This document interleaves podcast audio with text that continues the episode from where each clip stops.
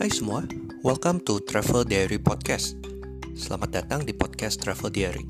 Seperti pada dasarnya sebuah diary, podcast ini akan berisikan cerita pengalaman travel atau jalan-jalan, bukan hanya tentang tempat tujuan atau makanan enak, tapi lebih kepada pengalaman unik, lucu, seru, atau maupun yang menyeramkan ketika travel. Nama gue Tirto. Gue travel enthusiast dan storyteller. Gue punya impian 30 under 30, cuma bukan masuk Forbes, tapi travel ke 30 negara sebelum gue umur 30. Tapi sayangnya kayaknya agak sulit ya, soalnya gue udah hampir 30. Selain itu, gue juga penggemar cerita travel. Dari sana, gue belajar banyak banget tentang dunia, tentang bumi, dan juga tentang people atau tentang orang. Semoga dengan podcast ini, gue dan narasumber lainnya bisa membagi pengalaman kita – dan ada poin-poin yang dapat bermanfaat untuk kalian.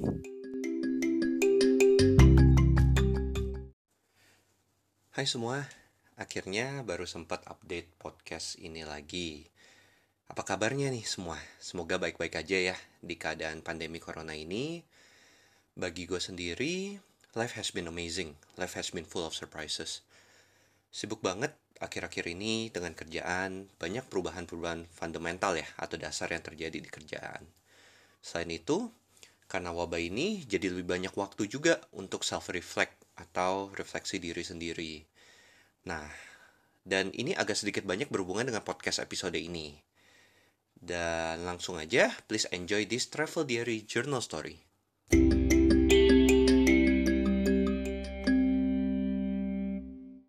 Welcome back ke Travel Diary Podcast. Ini Travel Diary Podcast ke-10. Kali ini ini first recording ya yang kita ketemuan secara offline karena hmm. kalian tahu sebelum-sebelum ini kan semuanya online gitu. Tapi kita tetap memastikan rules dari PSBB, kita jaga jarak, pakai masker. Oke, kita langsung aja ya. Seperti biasa, gue perkenalkan dulu narasumber kita. Uh, gue kenal dia sekitar dua tahunan yang lalu. Mutual interestnya itu sebenarnya di travel, fotografi dan juga filosofi gitu loh. Gimana gue describe dia ya? Dia itu outgoing, cheerful, detailed banget, philosopher, learner, art enthusiast, tapi juga bawel sih. Nah nanti kalian bisa dengar sendiri sih dari dari sini gitu. Ya kita langsung aja kita perkenalkan ada Felisa di sini. Halo semuanya, nama saya Felisa. I'm 27 this year now I'm working in my family business. Kita di electronic security system industry. And when I'm not working I have hobbies and passion in art uh, reading traveling philosophy and yeah basically that's about it. Nah, Felisa ini sejak kita ketemu ya, maksudnya dulu ketika kita kenal ya dia tuh cerita banyak banget tentang travel dia. Di kali ini kita bakal coba capture one of the mungkin most memorable trip yang dia pernah uh, lakukan ya. Sebenarnya banyak banget sih dia cerita gitu sampai kita harus milih-milih mana yang cocok kayak gitu. Jadi hari ini kita bakal ngomongin trip ke mana, Vel? Ke Massachusetts. Massachusetts.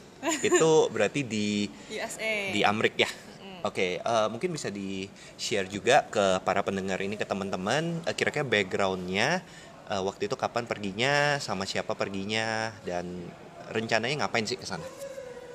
Ya, jadi waktu tahun 2016 itu I was taking master's program in a university in Jakarta and our university itu ada program dengan Harvard Division of Continuing Education. Kita programnya itu sekitar empat hari. Nah, tapi I had always had a thing for Boston. Jadi before I flew, I already planned my travel. Itu aku udah allocate satu hari sebelum semua teman-teman datang untuk sendirian Hmm. Yang jadi yang satu hari sebelum ketemu teman-teman itu berarti solo trip ya gitu ya? Iya, jadi aku sengaja nggak cerita ke yang lain bahwa aku datang sehari sebelum itu sebenarnya karena aku memang kepengen sendirian. Yang tapi mereka nggak nanya gitu, kenapa kita nggak satu pesawat bareng gitu? enggak sih it's more like I avoided that talk that's why they didn't ask me Oh, Oke, ya mungkin mereka mikirnya kayak oh mungkin ini uh, kita naik ekonomi, Felisa bakal naik bisnis kelas mungkin ya kayak gitu. Tapi ada yang tahu kan gitu kayak your parents tahu tentang solo trip ini? enggak sih I nggak bilang I cuman bilang ke my parents Pah, I'm going to Walden Pond nih tempatnya Henry David Thoreau tapi my parents nggak terlalu nanya-nanya oh ini apa ini apa sih jadi mungkin mereka bahkan mikirnya I was with a friend ya di hari pertama itu ya Hmm. Heeh. Nah, yang sebelum kita masuk ke Walden Pond nih, you mention barusan you had a thing for Boston gitu ya. In particular Boston gitu. And buat gua Boston is not a popular destination di US gitu. Maksudnya Iya, compare iya, ke iya. ya New York, LA, Las Vegas gitu. Why Boston? karena mungkin I already read many sebenarnya baca buku-bukunya belum juga sih tapi I was already exposed to the teachings of transcendentalism and also I was a fan of Benjamin Franklin and some other famous intellectuals yang happened to be born in Boston Hmm. dan juga USA kan memang terkenal dengan museum-museumnya kan. Jadi sebenarnya waktu tahu bakal oh kita bakal ke Boston sebenarnya aku itu belum kepikiran tentang Concord. Aku lebih mikirnya oh mau ke museum mana? sebenarnya. Nah as the time went by I baru keinget. Eh Henry David Thoreau kan dari Boston gitu Ralph Waldo Emerson juga nah di situ aku mulai cari oh rumahnya mereka pas segala macam dan akhirnya dalam waktu yang sangat amat singkat yaitu waktu itu aku cuma punya satu hari jadi aku harus pilih kan dan dari semua rumah-rumah para intelektual itu akhirnya aku memilih to focus on Henry David Thoreau yang itu letaknya di Walden Oke, jadi Walden itu di Concord ya. Concord Iya. itu di deket Boston gitu ya. Jadi agak di luar kota Boston ya kalau nggak salah. Iya memang itu di luar kota Boston. Concord itu sekitar 30 km dari Boston. Hmm, Iya sebenarnya lupa berapa lama di mobilnya yaitu di Uber. Tapi seingat aku it was around an hour meskipun di Google Maps dibilang setengah jam gitu. Mungkin supirnya juga agak kebingungan karena memang dia kebingungan sih bahkan pada saat aku masuk ke mobil itu supirnya hampir nggak mau nganterin aku ceritanya. kenapa tuh kenapa? Jadi pas I order the Uber, mobilnya lumayan bagus. I thought oh ini I got a nice car.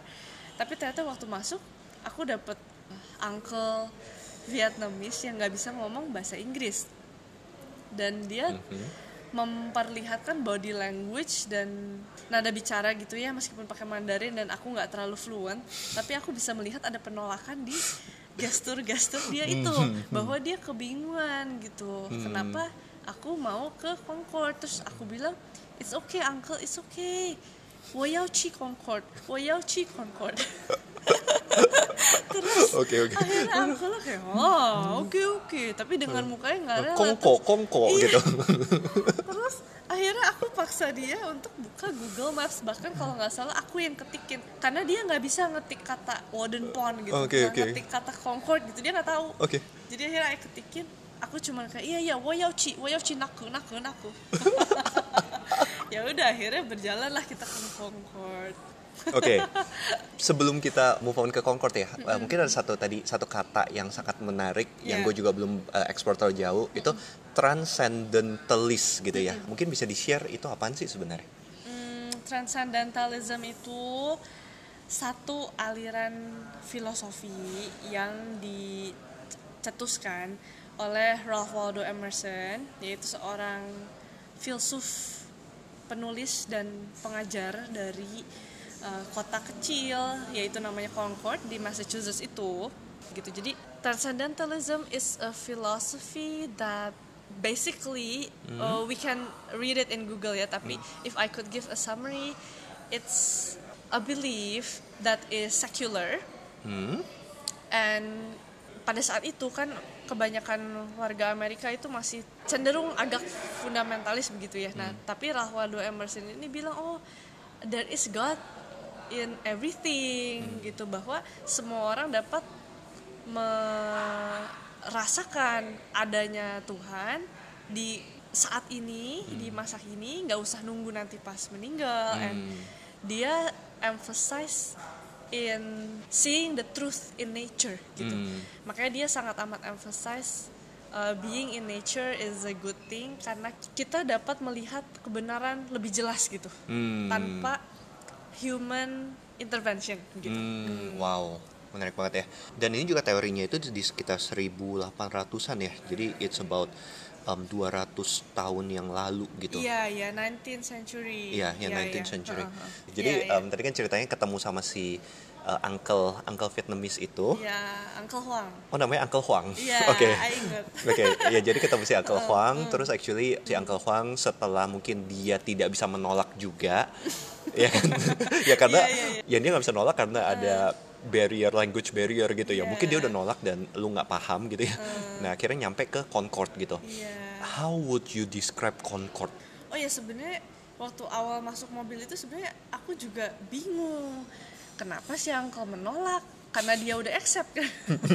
ya tapi anyway udah nyampe di Concord itu begitu masuk ke area Concord langsung vibe-nya beda banget sih. Oh, iya? Ada banyak pohon yang hijau dan aku bisa lihat pohonnya itu banyak pohon tua dan banyak rumah-rumah yang terbuat dari kayu. Rumahnya kecil-kecil dengan garden and short wooden fences.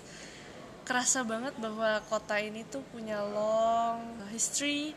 Somehow vibe-nya itu sepi sih, emang sepi banget sih. Begitu masuk kota Concord, aku langsung mikir gila beruntung banget ya aku ada uncle ya. Pantesan ini si uncle bingung. Ya mungkin pertanyaannya, are you the only Asian? No, actually, are Yes. you and Uncle Uncle Huang dua-duanya kayak mungkin the only Asian di Yes. Concord kali Iya, ya? Betul, ya. Oke. Even di sana aku masih lihat banyak mobil-mobil tua juga dan vibe-nya itu cold. Tapi berhubung juga karena aku udah tahu kota ini punya sejarah intelektualisme yang sangat panjang. Jadi kerasa gitu memang oh kota ini kota pembelajar dan uh, very very heavy on the on the brain and actually not on the brain gitu karena ada transcendentalism. It's it's a holy land for secular pilgrims. Oke, wow. Kalau Concord itu jadi I assume itu kayak kota, kampung, apa sih itu? Enggak sih, enggak kampung juga sih, kota kecil. It's a town. Oh, Oke, jadi Concord itu town. Ya. Tapi in particular tadi you mention you went to Walden Pond ya. Oke. Jadi dari Ya. Concord itu you need to go to Walden Pond. Walden Pond is in Concord. Oke, itu jadi ke Walden Pondnya sama Uncle Huang. Iya, sama Uncle Hua. Oke oke. Jadi jadi itu itu kayak tourist destination number one, Walden Pond. Iya, iya, iya. Karena kan as I mentioned, I only had a day Hmm. dan ada begitu banyak museum di Boston. Jadi akhirnya aku memutuskan untuk uh, ke Walden Pond untuk sekalian melihat pondnya dan juga di situ ada situs rumahnya Henry David Thoreau, which he built himself with his own hands, and he lived there for two years, two months, and two days. Nah, jadi aku pikir kalau aku bisa ke tempat itu bisa banyak kesan lah ya, mungkin bisa cukup meng-summarize my first trip to Concord. Mungkin suatu hari I can go back for more detail, tapi itu for a first time cukup gitu. Oke. Oh, I inget kenapa saya waktu itu memilih Walden karena aku jadi dari seluruh transcendentalism aku baru baca satu buku yaitu buku by Henry David Thoreau yang judulnya Walden. Walden, oke. Jadi itu membekas in my memory and I thought wow I wanna go here dan sebenarnya Walden Pond ini is not an extraordinary landscape sih. Dan Henry David Thoreau pun bilang dia I forgot the exact quote tapi intinya adalah dia bilang kok Walden is not an extraordinary landscape tapi kalau kita mengenalnya dan kita dapat merasakan kedamaiannya kita akan melihat the beauty beyond what is perceivable by the eye gitu. Dan when I went there kenapa tujuanku ke Walden Pond adalah itu sebenarnya seperti kayak ziarah juga sih. Hmm, a secular pilgrim ya karena dan kenapa juga aku kepengen datang ke sana sendiri karena aku benar-benar ingin merasakan apa yang dirasakan Henry David Thoreau sampai dia ingin menyendiri bikin rumah sendiri simple living in solitude dalam kesederhanaan hidup sedekat mungkin dengan alam di satu titik di dalam hutan ini dekat Walden Pond gitu Hmm. aku ingin melihat apa yang dilihat Henry David Thoreau. Kayak apa yang dia alami, apa apa yang dia experience selama Iya. tadi menarik ya dua tahun, dua bulan, dua hari Betul. sampai dia baru kayak ah cukup nih gitu kan sebenarnya kan. Jadi dengan ketika kita apa site visit gitu, uh, we get to understand more about apa yang dialami dengan uh, si penulis gitu ya Iya, sebenarnya. Oke oke. Ada cerita menarik nggak ketika di Warden Pond ya? Maksudnya, uh, do you get to the Warden Pond gitu? Iya iya iya, I did dong. Jadi gini, when we went to Walden Pond itu memang address yang aku taruh di uh, Google Maps Uncle Huang. Oke. Begitu nyampe, kita nggak lihat air gitu, kita malah lihatnya tempat parkir. Aku udah pernah Google how to get there, jadi aku tahu oh ini tempat parkirnya si Walden Pond kan. Jadi aku cuman bilang sama Uncle, oh iya iya it's okay Uncle.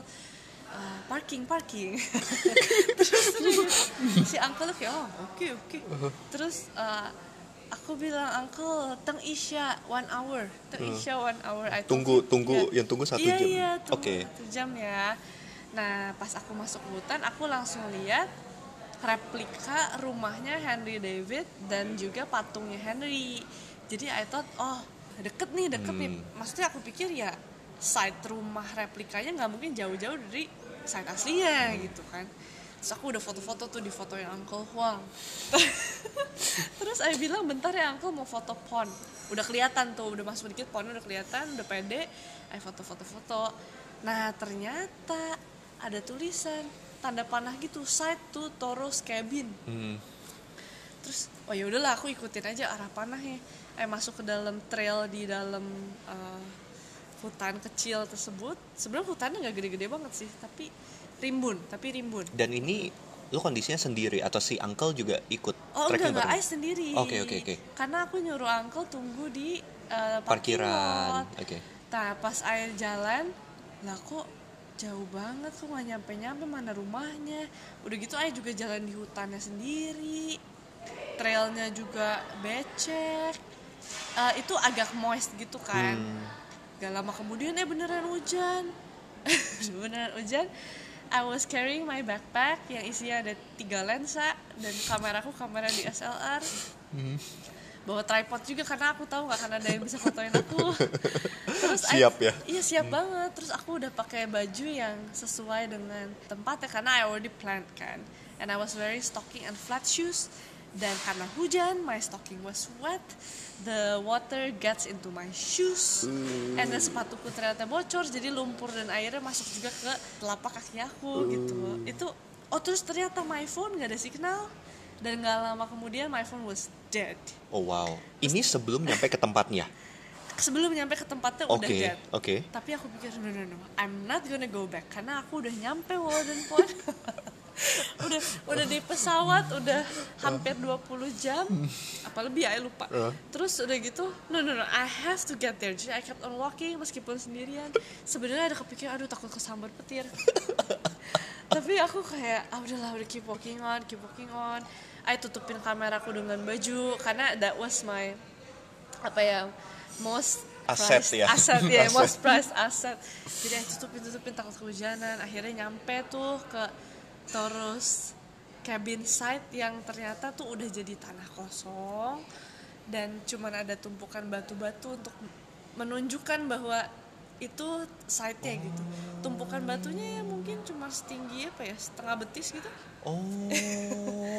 Iya. Yang jadi kayak the actual fisik rumahnya Itu di dalam hutan. itu udah nggak ada Udah gitu. nggak ada. Oh, ada. wow.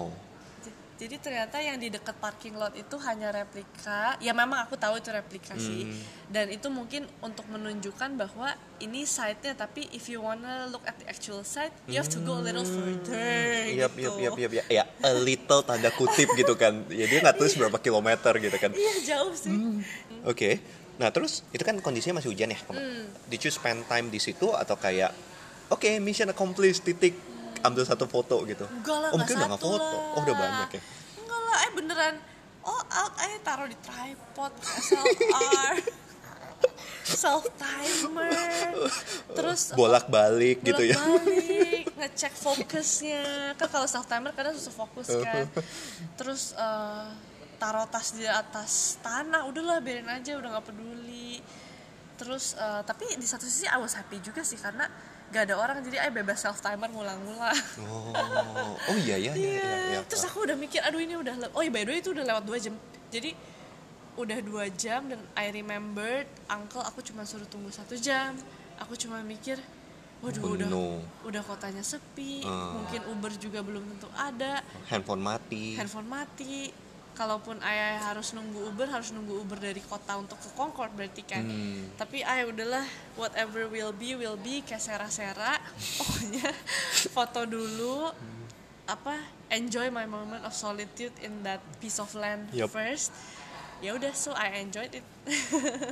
Oke, dan ya fast forward selesai foto-foto kayak gitu, you actually jalan balik gitu ya, with no expectation. Iya, dengan rambut lepek dan segala yang basah. Terus ay udah udah selesai foto-foto, menikmati solitude dan bau hujan gitu ya, which was very peaceful sih. Terus I walked back without expectation. Uh, to my surprise, in the middle of the way, tiba-tiba ketemu uncle.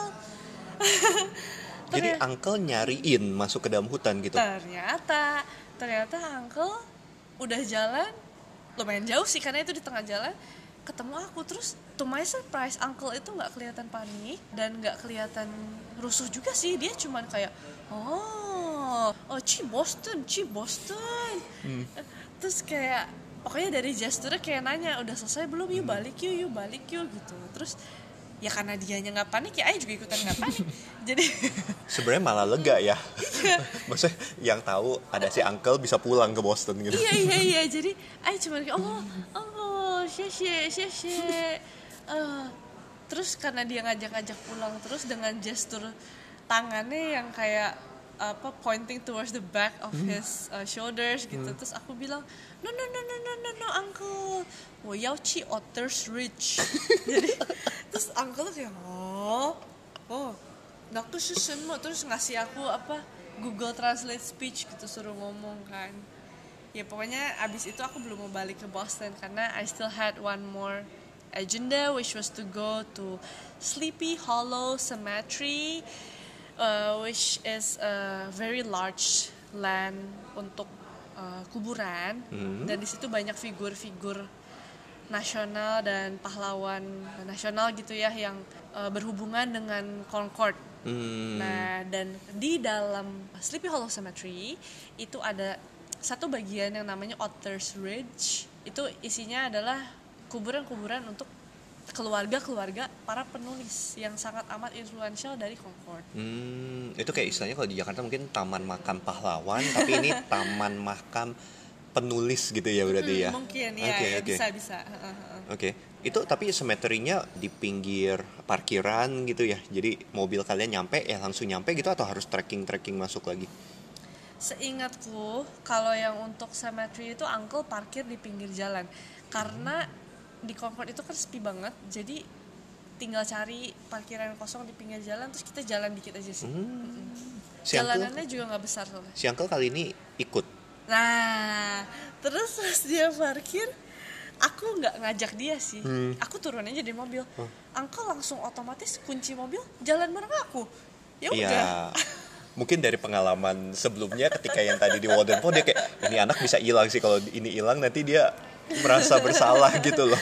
Dia Iya. mendingan diikat gitu. iya jadi akhirnya aku ya udahlah I did not try to stop him juga sih ya melihat gestur badan dia yang mau ikut ya ya udahlah ayo jalan gitu terus tapi uncle cuman kayak dengan santai dan senyum senyumnya lihat kanan kiri kanan kiri terus kayak wow cukup semua cukup semua nanyanya dengan nada curious Hmm. gitu terus I bilang kayak oh philosopher the grave itu yang yang si uncle jadi nanya ini tempat apa? gitu terus dengan ya dengan keterbatasan. Jadi ngomongnya fil apa em, makan filosofer ya uh. Habis bingung kan? Ya sebenarnya pas mau pergi ke Walden juga uncle nanya anak kesesen mah ya aku bilang philosopher tecia. Oke. Ya, wri- writers tecia tapi dia nggak ngerti juga. Jadi I just repeat with my limitation on Mandarin terus karena nggak ngerti akhirnya aku bilang kayak oh. Terus aku bikin gesture apa potong leher gitu dad kan. Dad uncle dad philosopher dad. Terus ya udah akhirnya uncle kayak oh oke oke oke. Eh, how how how? Ah, aku ngerti. ya udah akhirnya kita jalan. Akhirnya kita menemukan satu apa pointer gitu papan pointer Otter's Ridge. Hmm. Terus kayak oh uncle uncle Otter's Ridge kayak ini yang aku mau datengin gitu. Terus sebenarnya di kuburan itu banyak sekali orang-orang influential tapi karena I had limited time juga jadi ya udahlah I focused on Otter's Ridge kan. Hmm. dan itu di sana ada kuburannya keluarga Emerson keluarga Thoreau keluarga Nathaniel Hawthorne Amos Alcott yaitu papahnya Louisa May Alcott. Lalu aku lupa ada siapa lagi tapi kalau nggak salah cuma ada empat atau lima keluarga gitu di situ Hmm, Wow, wow. Dan itu keluarga-keluarga yang memang dulu tinggalnya di Concord. iya Oh. yes that is a wonderful demonstration on how the law of attraction works Hmm. Wow. jadi similar minded people yang menyukai intelektualisme spiritualisme dengan open mindedness yang mirip antusiasme untuk menulis yang mirip juga dan mereka terlahir di kota kecil ini dan Hmm. terlahir oh, satu sama lain eh, bisa dibilang sebagai tetangga ya Hmm. hmm, hmm, hmm. karena Wow. they really knew each other gitu Wow, wow. Dan yang tadi ketika dimention apa Louisa Alcott, ya, ya, dia itu uh, pengarang yang baru kemarin di filmin ya. iya Little Women Ya Little Women Iya. gitu. Itu one of the world's classic ya sebenarnya gitu ya. ya. Yes, Yang cerita yeah. itu. Oke, jadi karena ada uncle berarti I assume you nggak butuh tripod gitu. Uncle yang foto-fotoin. Iya iya iya iya. Actually waktu di uh, Sleepy Hollow Cemetery aku udah capek banget. Jadi aku cuman foto-foto with my DSLR, gak terlalu minta difotoin juga sih. Tapi kalau nggak salah Uncle nawarin, oh iya, iya Uncle nawarin actually. Oh, pai chao, pai chao. Terus I kayak, oh, xie xie Uncle, xie xie xie xie, how to, how to. Oke, itu jadi yang kedua itu tempat kedua yang yang dikunjungin. Ada tempat lagi nggak yang dikunjungin di Boston? Eh di Concord sorry. Hmm, waktu di Concord cuman itu sih, Walden Pond. Hmm, Eh, yaitu sudah termasuk juga dengan Thoreau's Cabin. hmm, dan juga dilanjutkan ke Sleepy Hollow Cemetery, specifically Author's Ridge. hmm. Abis itu ya jalan-jalan bentar, foto-foto di jalan, terus Habis itu Hoichia Hoichia. Huecia. Huecia, Huecia. Tapi belum Huecia karena aku memaksa uncle untuk antar aku ke shopping mall Tunggu, ini shopping mallnya di mana ya? Di kota. Nggak sebenarnya bukan maksa sih, itu memang my agenda. Tapi mungkin uncle ngelihat aku udah kayak khawatir kali ya. Jadi uncle bolak-balik itu ngajak pulang. Oke, oke, oke, oke. Iya. Wow, ada cerita-cerita atau insiden-insiden menarik lagi nggak along the way gitu loh? seingat aku itu di Concord cuman dua jam. Ya sekitar dua jam. Tapi it felt so long sih with all the rain and stuff. So, Lepek-lepek, bocor, Yeah, so- semua kamera basah. so much was going on and karena aku juga pergi solo trip jadi banyak kondisi mental dan kondisi eksternal yang aku benar-benar harus face sendiri dan decision makingnya juga sendiri kan with all the tripod and everything. So much was going on gitu. Was this your first solo trip? Ah yes yes it was. Oh. It was my first solo trip. Even though it was only one day adventure, I consider it a trip sih. Wow. Yeah. What do you think about travel solo? I like it sih. Sebenarnya waktu itu karena itu my first time, I try to feel juga apa ya bedanya travel sendiri sama sama orang gitu ya. And I concluded that I love solo traveling karena memang ada beberapa hal yang kita hanya bisa rasakan dan experience sendiri gitu. Hmm. dan ketika kita sendiri kita lebih open to possibilities misalnya I went abroad uh, ke Concord with a friend mungkin my contemplation my experience of solitude and my observation and bonding with Uncle Huang mungkin nggak akan se deep itu Hmm. gitu karena aku pasti bakal fokus ngobrol dengan teman Hmm. kan tapi I realized that at the end of the day after such grand adventure when I went back to my hostel I wanted to tell someone terus Hmm. ternyata eh nggak ada yang detail malah adanya semua stranger itu ada feeling of loneliness sendiri sih so I concluded that yes I like solo traveling but I cannot do it for too long Hmm. ya tapi sehari dua hari aku suka Oke. Wow. mungkin aku continue sedikit ketika abis dari Sleepy Hollow Cemetery itu kan we went back to Boston Hmm. di mana I asked uncle to take me to Copley Place it's a high end shopping mall terus udah gitu I fell asleep in the car Hmm. when I woke up tapi gini gini pas I bilang Copley Place Copley Place uncle itu ada sedikit resistensi kelihatan juga dari gestur kayak kebingungan gitu. Aku juga bingung kenapa sih si uncle dari tadi tuh bandel gitu loh? Kan aku yang bayar mungkin gitu loh. ya mungkin karena meterannya cuma nyampe ke Walden Pond. Habis itu kan meterannya mati kan. Dia pikir aduh ini gua harus anterin pulang. Ini anak kecil dari luar negeri gitu ya. Tapi ini kenapa mau jalan-jalan terus gitu loh? Oke. Iya. Nah, tapi aku rasa enggak juga sih karena I sensed a bit of happiness in him di mana dia berkesempatan nganterin aku. I sensed it gitu. Jadi uh, pokoknya long story short, I fell asleep in the car. When I woke up, I was like, hah, where am I? Tempatnya kayak gedung putih tua, terus luarnya agak kumuh. Tempat kita parkir tuh agak kumuh, ada sampah-sampah gitu. Ini sorry sorry yang yang gue potong tapi were you scared gitu takut nggak sih karena kan kondisinya handphone lu mati gitu ya maksudnya you don't have any direct communication Iya, iya, nggak ada power bank. Iya, ya pada saat itu belum belum ada ya power Belum bank mungkin. ngetren, belum Iya. Terus nggak tapi at the same time you are di negara orang, ya kan, and you are sebagai seorang turis yang udah bahasa lepek gitu ya. Terus kayak takut nggak sih sebenarnya? Agak sih. Hmm? I was pretty sure if I told my parents, they would be so angry sih. Kayak kok so trusting, udah so trusting bisa ketiduran lagi. Hmm. Ya tapi aku capek banget sih. Terus eh, ya pas I bangun, I nggak tahu I di mana, and I was sure it was not Copley Place karena Copley Place kan high end, nggak mungkin jelek kayak gitu tempat parkirnya. Nah terus aku kayak nanya, Uncle, Copley Place. Terus Uncle kayak, ah, too fun, too fun. makan makan. ternyata dia ngajak makan. And then I realized that, oh mungkin ini tuh food court. Hmm. Ya udah, terus aku melihat sincerity di wajah si Uncle yang wajahnya tuh seneng gitu loh, senyum-senyum terus, kepengen makan. Aku pikir, oh ya mungkin dia juga lapar. Ya udahlah, ah oke oke, fun first, fun first. Akhirnya kita masuk makan, rame, terus si uncle tuh langsung ngajak aku ke satu booth I think dia sering makan di situ Hmm. terus oh oh nunjuk-nunjuk ke eh, papan menu terus I- berarti suruh milih kan terus aku pikir ah ya udahlah karena aku juga nggak ngerti kalau nggak salah nggak ada English translation deh Hah? Tunggu, ini ini food court apa? ya? Chinese. oh Chinese Chinese food court Oh, Chinese, food court. Oke. Oh.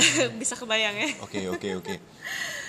Tapi one thing mungkin yang secara nggak sadar you know oh gue udah nggak di Concord gitu ya.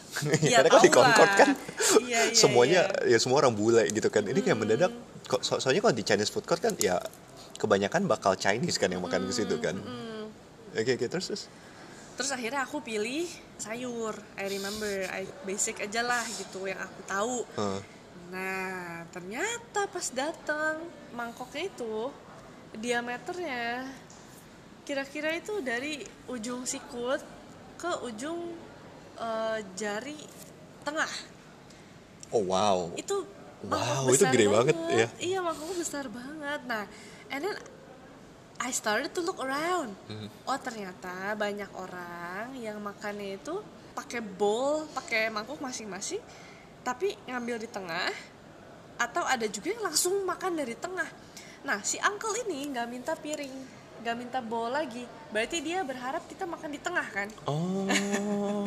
Oke oke oke. Terus ya aku kayak aduh jorok kayak ya bekas-bekasan sumpi? Kena kan kontak kan di dalam mangkuk itu. Jadi aku pikir oh Isya aku akhirnya minta mangkuk pisah gitu. Nah terus while we were eating ada sih pikiran takut keluaran virus dan segala macam. Dan aku juga mikir what is this gitu? What is this going on? I'm eating with a stranger. Di mana aku bahkan nggak bisa ngomong gitu karena language barrier tapi kok ada bond ya gitu. Kayak I trust him he trust me. Mungkin dia memperlakukan aku tuh kayak anaknya kali ya tuh kayak cucunya tuh gimana. Dan dia mau bayarin juga waktu itu. Tapi aku kayak iya makanya baik banget.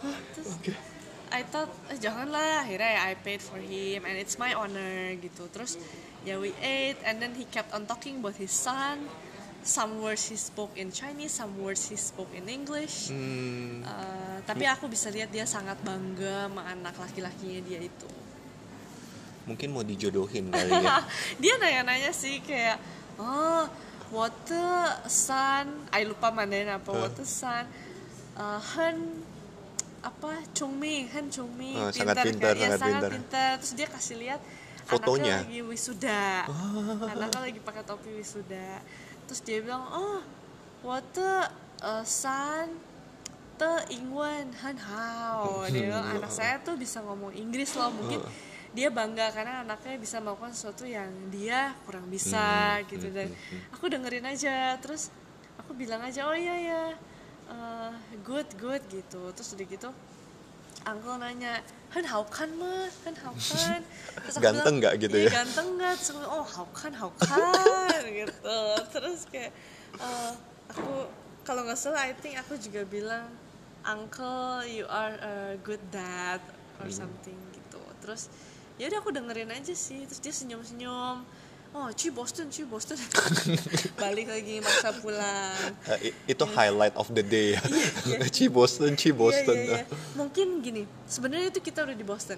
Tapi kayaknya definisi Bostonnya dia tuh balik ke hostel kayaknya. Oh, oke oke aku oke. Oh. balik ke hostel. Tapi aku bilang enggak enggak, aku masih mau ke Copley Place. Wah, very re- very rebellious ya. determined, determined. Oke, oke, oke. iya. Nah, terus ya dari tempat food court itu akhirnya eh, balik eh apa eh, Ke, ke, tempat. Oke. Hmm, do you end up bayarnya gimana ya itu ya? Itu kan Oh Uber kan? iya, nah kalau nggak salah waktu itu si uncle itu punya kesulitan untuk end the trip karena my phone was dead atau gimana? Karena destinationnya udah rubah-rubah udah muter-muter. Ah. betul betul kan. betul. Wah, Jadi aku cuma bilang uncle just end the trip, I will give you more. Akhirnya Hmm. I gave him uh, 100 or 200 dollars, I lupa, Hmm. sekitar segitulah pokoknya. Dan uncle juga mukanya tuh datar sih. Dia cuma oh how how, senang senang Hmm. aja dia senyum senyum, ah sih sih sih sih. Padahal kayak I took a lot of his time on that day dan a Hmm. lot of energy juga dan mungkin itu adventure juga buat dia kan. Udah diajak ke ke kuburan. Trekking Gitu, di Walden iya. Pond gitu. tapi ada satu hal yang aku nyesel adalah aku foto sama dia juga sih tapi aku nggak minta his email or his number. Karena waktu itu I did think about it tapi hmm, I thought ah dia juga nggak bisa ngomong Inggris tadi emailnya gimana? Tapi sekarang aku peka gitu kayak oh ya bisa aja anaknya minta bantu translate kan. Anaknya kan Hmm. bisa ngomong Ingwon, Ingwon Hon How Inggrisnya bagus gitu. Jadi uh, ya I nyesel sih and I did try to contact Uber several times to get his number. And I made my intention very clear to Uber juga bahwa aku tuh mau say thank you gitu. Tapi ya Uber nggak kasih sih katanya it's their privacy and stuff. Ya ya udahlah I wish Uncle Huang well and it was truly an honor and a life changing experience to have met him sih Just in case kalau misalnya podcast ini viral, banyak yang like and get attention of Uber, whether it's Uber Indonesia atau. Uber US, ya please understand Felisa di sini just wanna say thank you ya basically kayak kita try try to uh, reconnect ya Iya, sebenarnya. dan mau ngirim Uncle foto kita sih Hmm. Yap, yap. Jadi uh, moral of the story atau moral of the trip bawa power bank, ya ya ya um, um, Definitely. bawa plastik kalau hujan buat protect your camera. yes oh my god solo traveling Yap, enggak oke. oke. kalau bisa sebenarnya ya kalau bisa jangan pakai sepatu yang apa ya maksudnya jangan mengorbankan comfort demi penampilan Oke, wow, such a uh, memorable ya sebenarnya. Yang kita iya. ngobrol udah panjang banget dan cuma ngobrolin sebenarnya satu hari gitu kan, Iya. yang, yang, yang setengah hari sampai satu hari punya trip gitu ya. Very interesting. Um, Bagi kalian yang tertarik sama Concord. Yeah. yang sebenarnya bukan concord lah em, kayak ke transcendal transcendentalism. Iya itu. Ya gue juga masih eh, ngulik lebih dalam gitu itu apa. Em, mungkin Vel bisa share any of your contact maybe social media if any of the listeners mau nanya-nanya. Oh iya boleh boleh. Uh, my Instagram is tan underscore hika tan underscore hika Oke, nanti juga Alisa tadi udah bilang dia bakal share-share fotonya yang akan Ya. dimasukin ke dalam Instagram Travel Diary Podcast. Satu side note dari gua, uh, be kind to others. Tadi sempat ngobrol juga sama Felisa bahwa yang namanya kindness, kebaikan itu tidak mengenal bahasa, tidak mengenal uh, background, ras gitu. Yeah, if I could conclude in simple words, uh, a trip to Concord itu sangat amat worth it dan aku sangat amat rekomend bagi teman-teman sekalian yang ingin mendalami lebih tentang transcendentalism atau memulai spiritual journey-nya melalui jalur sekuler yang tidak perlu label apa pun yang mengkotak-kotakan. And Concord even though it is a small town dan which aku juga baru tahu ternyata not that popular amongst the modern or younger uh, generations especially mungkin yang di luar US kali ya. But it's really really worthwhile. It will inspire you. It will move you to the heart. Henry James a famous writer dia pernah bilang Concord adalah the biggest little place in America. Dia bilang tidak ada kota yang dia tahu di dunia ini yang sekecil itu tetapi menjadi wadah atau menampung begitu banyaknya eh, jiwa intelektualisme dan spiritualisme yang begitu tingginya dan begitu miripnya sehingga saling mengasah satu sama lain sehingga benar-benar mencetak sejarah di Amerika gitu. Jadi bisa dibilang juga banyak juga yang bilang bahwa Concord is the birthplace of America. Oh wow, sangat menarik. dan juga another thing especially yang bikin ini sangat amat memorable juga tentunya tentang Uncle Huang ya. Di luar destinationnya dan pengalaman pembelajaran dari eh, sejarah dan lain-lain itu adalah my meeting with Uncle Huang. Itu change my life sih karena uh, it reminded me once again that a good heart transcends language and concepts dan kebaikan hati, kelembutan hati, ketulusan hati itu tidak mengenal batas dan akan terpancar dengan sendirinya dari perkataan kita, dari tindak tanduk kita, bahkan ketika orang lain tidak mengerti bahasa kita. Bahasa itu kan sebenarnya konsep kan.